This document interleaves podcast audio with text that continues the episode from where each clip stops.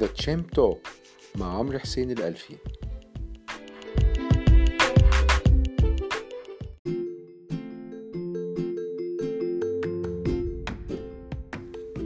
بسم الله الرحمن الرحيم.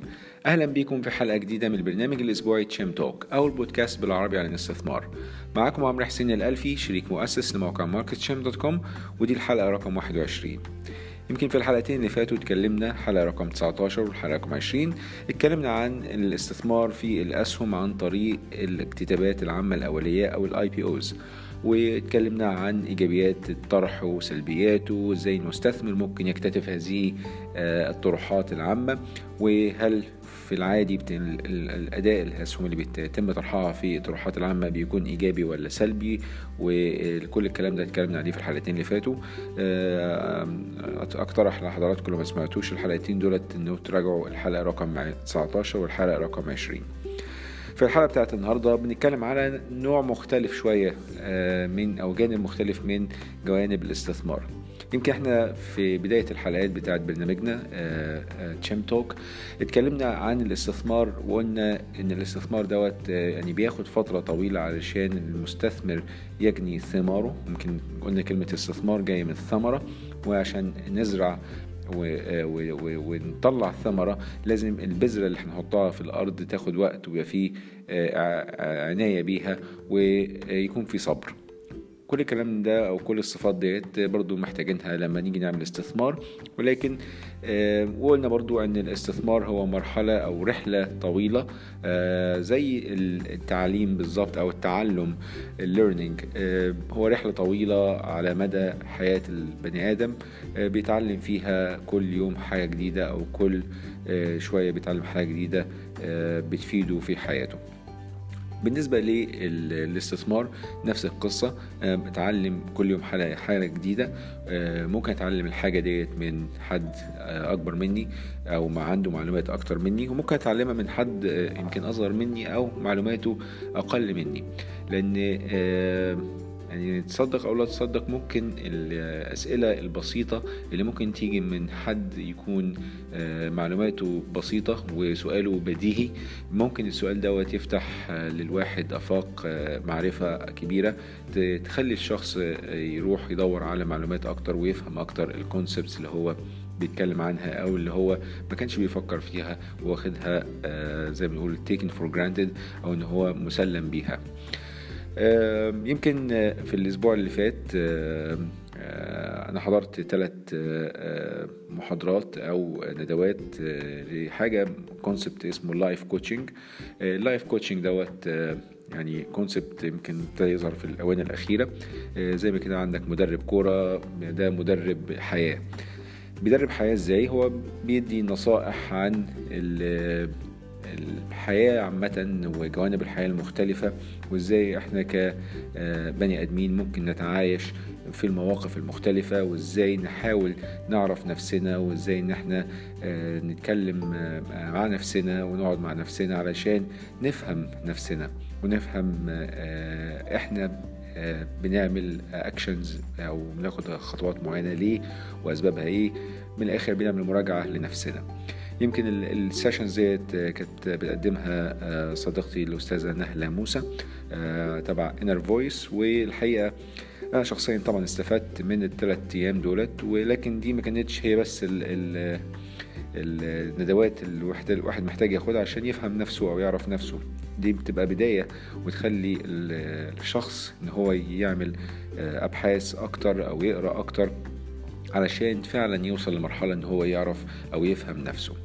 طب إيه علاقة ال life coaching هنا بالاستثمار؟ يمكن يعني لأول وهلة ممكن تقول ده حاجة للحياة الشخصية إيه علاقته بالاستثمار؟ آه في علاقتين الحقيقة. أول حاجة إن الاستثمار هو مرتبط ارتباط وثيق بالحياة العامة. يعني دلوقتي لو كنت حاطط استثمارات في البنك مثلا والبنك بيديني عائد قليل والتضخم بيرتفع بصورة كبيرة. أنا كده المكسب بتاعي من البنك مش هيكون عالي أو كبير انف إن هو يغطي تكلفة حياتي اليومية. فتلاقي إن الاستثمار بيأثر على الحياة اليومية فالاتنين مرتبطين ببعض. دي النقطة الأولى. النقطة التانية آه، زي ما إحنا كده بنبص على ال life coaching وازاي ان انت ممكن تعرف نفسك وتقول أنا بفكر ليه بالأفكار دي طب المشاعر بتاعتي اللي ناتجة عن هذه الأفكار ممكن تكون أفكار مغلوطة آه، ليه بتطلع بهذا الشكل وبتأثر عليا وعلى الناس اللي حواليا. وتالت حاجة في الآخر باخد actions أو آه، يعني أفعال ممكن فعلا تخليني أندم عليها.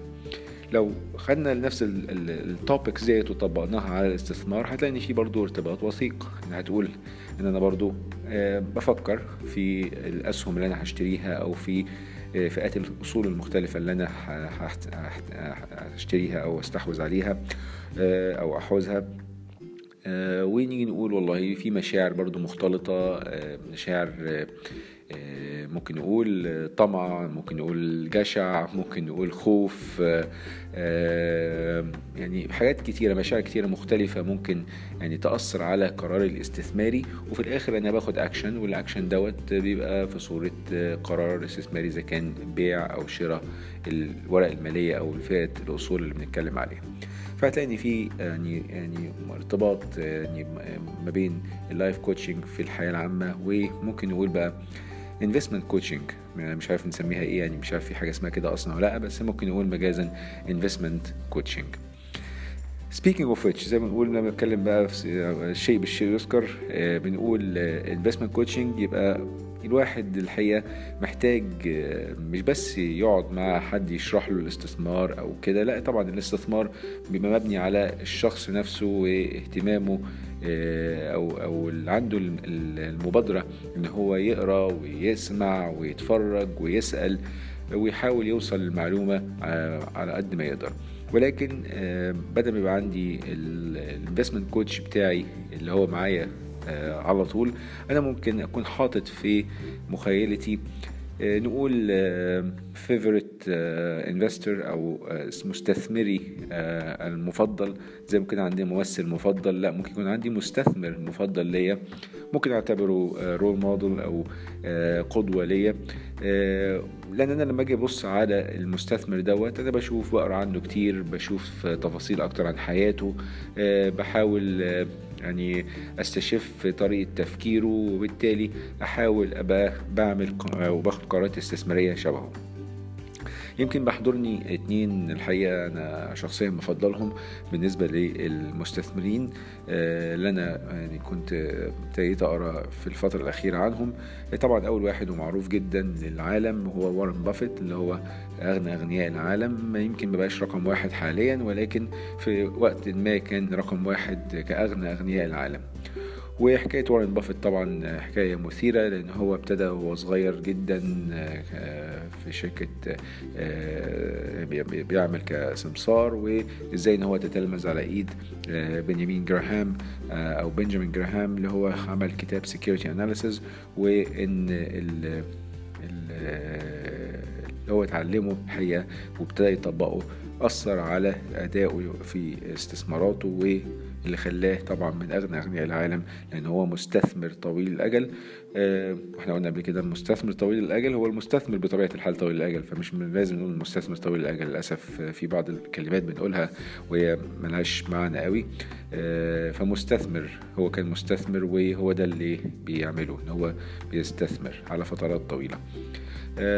ده أحد طبعا الشخصيات المفضلة بالنسبة لي. في شخصية أخرى مؤخرا ابتديت أتعرف عليها أو أقرأ عنها آه، وهو جيم سايمونز. جيم سايمونز يمكن سنه دلوقتي يمكن فوق ال 80 سنة أو تقريبا حاجة زي كده. آه، برضو زي وارن بافيت سنه كبير. ولكن الحقيقة اكتشفت إن هو كان بيعمل أداء آه، في الاستثمارات بتاعته يمكن أداء فاق آه، الأداء بتاع وارن بافيت. ولكن هو اسمه مش معروف زي وارن بافيت ما هو معروف. يمكن القيمة بتاعته أو قيمة استثماراته الشخصية أو قيمته الشخصية بنتكلم على تقريبا 20 مليار دولار. وارن بافيت ممكن يبقى في حدود ال 60 70 مليار دولار. فعشان كده يمكن سايمون أو جيم سايمونز ما كانش معروف قوي للناس. ولكن هو الحقيقة بيستثمر بقاله فترة ويمكن مش هنقول بقى بيستثمر لأن هو كان بي trade الحقيقة. هو مش مستثمر قوي على قد ما هو trader بيبيع ويشتري آه، فئات أصول مختلفة مش بس أسهم آه، عملات آه، ممكن سلع فالموضوع مش موضوع أسهم فقط. جيم سايمونز الجميل في الموضوع إن هو ابتدى حياته ك trader أو كمتاجر أو متداول في السوق وهو بعد سن الأربعين. يمكن كان في article جميل عن.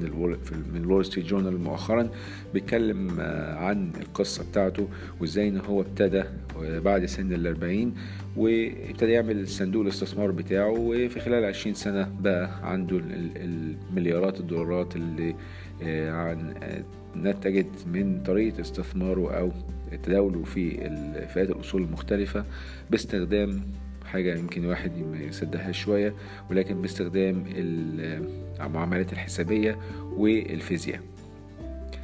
الموضوع مش كيمياء هو الموضوع طلع فيزياء الحقيقة. فهو كان بيعين الحقيقة علماء فيزياء معاه في الشركة بتاعته اللي هي أصلا اسمها لا ينم على أي استثمار خالص اسمها Renaissance Technologies تكنولوجيات أو تقنيات Renaissance أو نقول النهضة. بالترجمة العربية.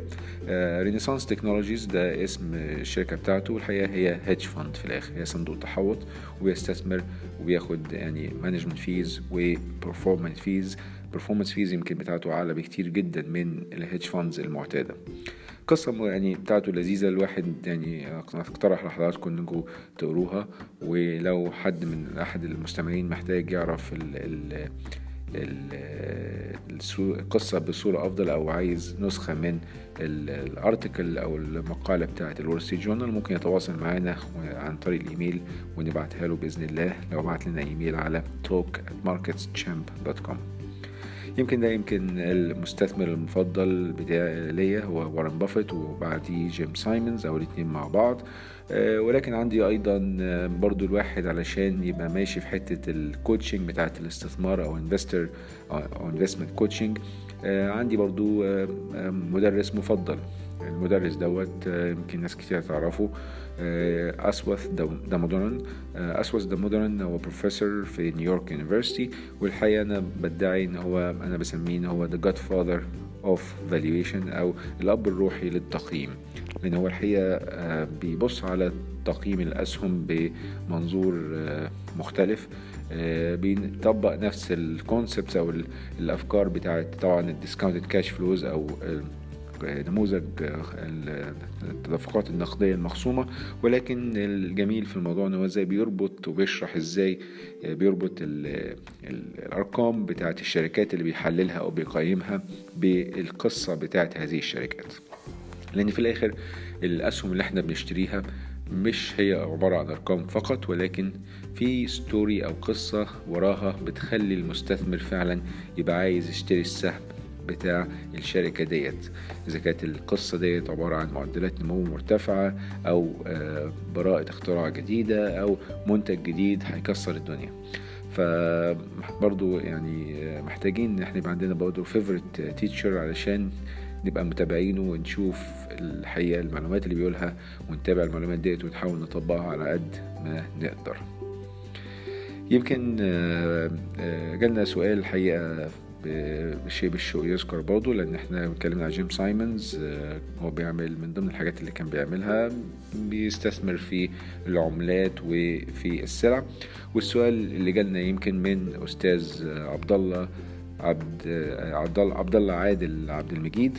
كان بيسأل الحقيقة عن حاجتين. أول حاجة بيقول إن الأسهم والسندات عندهم قيمة عادلة ممكن الواحد أو المستثمر يقدر يعني يقدرهم ويعملهم استيميشن لكن السؤال هل العملات عندها برضو قيمة عادلة؟ ولو فيها قيمة عادلة إزاي نحسبها؟ ده أول سؤال. نجاوب السؤال الأول. اللي بداية زي ما حضرتك تفضلت آه الأسهم والسندات ليها قيمة عادلة ممكن تحسبها والقيمة العادلة بتاعتهم هي عبارة عن ال cash flows اللي انت متوقعها من الأسهم ديت وبتعمل لها discounting باستخدام معدل الخصم المناسب. المناسب ليه؟ المناسب للمخاطر اللي متوقعة بالنسبة للتدفقات النقدية اللي جاية من الأسهم والسندات وبالتالي بتطلع القيمة العادلة لهذه الأوراق المالية. يبقى إحنا القيمة العادلة لأي أصل هي القيمة الحالية للتدفقات النقدية اللي جاية من هذا الأصل. ولكن بالنسبة للعملات هو إيه القيمة أو التدفق النقدي اللي هيجي من العملة؟ آه، علشان تقدر تحسب له قيمة عادلة. هل ممكن نقول مثلا الفايدة؟ الفايدة اللي هتيجي على العملة دي تعتبر تدفق نقدي. ماشي بس هو تدفق نقدي آه، جاي عن طريق الفايدة وأنت هتعمل ديسكاونتنج برضو الفايدة. فهتلاقي إن الموضوع يعني مش هيجيب لك قيمة عادلة زي ما أنت متخيل. ولكن يعني مش هنخش في تفاصيل فيها الحلقة دي ولكن ممكن نعمل لها حلقة تانية إن شاء الله. وفي بعض نماذج التقييم للعملات. العملات هنا لما نيجي نتكلم على عملة هي العملة دي قيمتها العادلة عبارة عن إيه بالظبط؟ يعني ناخد مثال مثلا الجنيه المصري. الجنيه المصري قيمته إيه؟ آه ما هو قيمته؟ هو في الآخر جنيه. يعني الجنيه هو جنيه. يعني مش النهارده الجنيه جنيه وبكرة هيبقى 2 جنيه. لا هو جنيه. الجنيه أو العملة بيتم تحديدها مش لوحدها بيتم تحديدها عن طريق إن أنت بتقارنها بعملات أخرى. فلما تيجي تقول الجنيه طلع أو الجنيه نزل هو الجنيه طلع أو نزل مقارنة بإيه؟ مقارنة بعملة أخرى مش مقارنة بنفسه. فلما تيجي تقارن الجنيه مثلا على سبيل المثال بالدولار في الفترة الأخيرة أو في 2019 بالتحديد هتلاقي إن الجنيه ارتفع مقارنة بالدولار 12% ولكن ممكن لو بصيت على الجنيه مقارنة بعملة أخرى ممكن يعني وارد إن أنت تلاقي إن الجنيه مرتفعش قصاد العملة الأخرى بالعكس ده انخفض. فبالتالي لما تيجي تبص على قيمة العملة أنت بتقارنها بعملة أخرى. دي بنسميها currency pairs أو آه، آه، أزواج العملات أو زوج العملات. لأن أنت كل عملة ليها زوج. أنت مش بس عملة لوحدها لازم يكون قصادها عملة أخرى. الدولار قصاد الين الدولار قصاد اليورو والدولار مثلا قصاد الجنيه الاسترليني الدولار قصاد الجنيه الجنيه قصاد اليورو الجنيه قصاد الجنيه الاسترليني وهكذا. فبالتالي لازم نقارنهم ببعض. طيب أعرف القيمه العادله بتاعت عملة زي مثلا عملة زي الجنيه إزاي؟ آه، في كذا موديل ومن ضمن هذه النماذج الحقيقة models بتبقى مبنية عن مبنية على طريقة أو أو القدرة الشرائية بتاعة الدولة اللي بتصدر هذه العملة مقارنة بشركائها التجاريين اللي بتتعامل معهم فلو الشركاء التجاريين عملتهم آه، ارتفعت وأنا آه، عملتي انخفضت فبالتالي أقدر أقارن العملات ببعض وأقول على المدى الطويل هل العملة بتاعتي مرتفعة القيمة ولا منخفضة القيمة مقارنة بالاداء التاريخي. فده نموذج أحد النماذج اللي بيتم استخدامها في بعض الحالات وفي نماذج أخرى برضو ممكن نتطرق فيها ليها إن شاء الله في حلقات قادمة ويمكن معانا ضيف بإذن الله يشرح لنا النماذج دي بصورة أكتر لأن ده نماذج تعتبر اقتصاد كلي بيتم استخدامها علشان مش نقول نحط قيمة عادلة للعملات ولكن نحدد اتجاه أو نقول العملة دي هي رخيصة أو غالية مقارنة مثلا الأداء التاريخي بتاعها. ده بالنسبة للسؤال الأول. السؤال الثاني من الأستاذ عبد الله كان بيقول لو أنا فتحت حساب في شركة سمسره في الأوراق المالية هل في حد أدنى للأسهم اللي أنا ممكن أشتريها ولا لأ؟ كنا اتكلمنا قبل كده وقلنا ان لا مفيش حد أدنى لفتح الحساب أول حاجة. انت ممكن تفتح حساب من غير ما تحط أي فلوس خالص. بتعمل كود الموحد ليك آه، بتفتح حساب بعد ما تمضي آه، امضاءات كتير على عقد شركة السمسرة تمضي عقد مثلا شراء بالهامش لو تحب تشتري بالهامش كنت أفضل إنك ما تشتريش بالهامش أصلا. ممكن تمضي برضو العقود بتاعة الكاستدي أو اللي هو الحفظ المركزي عقود تداول إلكتروني وهكذا. بتمضي إمضاءات كتير قوي عشان تفتح حساب ولكن في الآخر مش محتاج تحط الفلوس from day one. لا ممكن لما وقت بتحتاج إنك تشتري أسهم بتحول فلوس من حسابك في البنك لحسابك في شركة سمسرة بعد كده بتستخدم هذه الأموال عشان تشتري الأسهم. طيب هل في حد أدنى للشراء لما أجي أشتري؟ آه، عايز أشتري آه، أسهم في البورصة؟ لا لازم أشتري مثلا ب 500 جنيه على الأقل.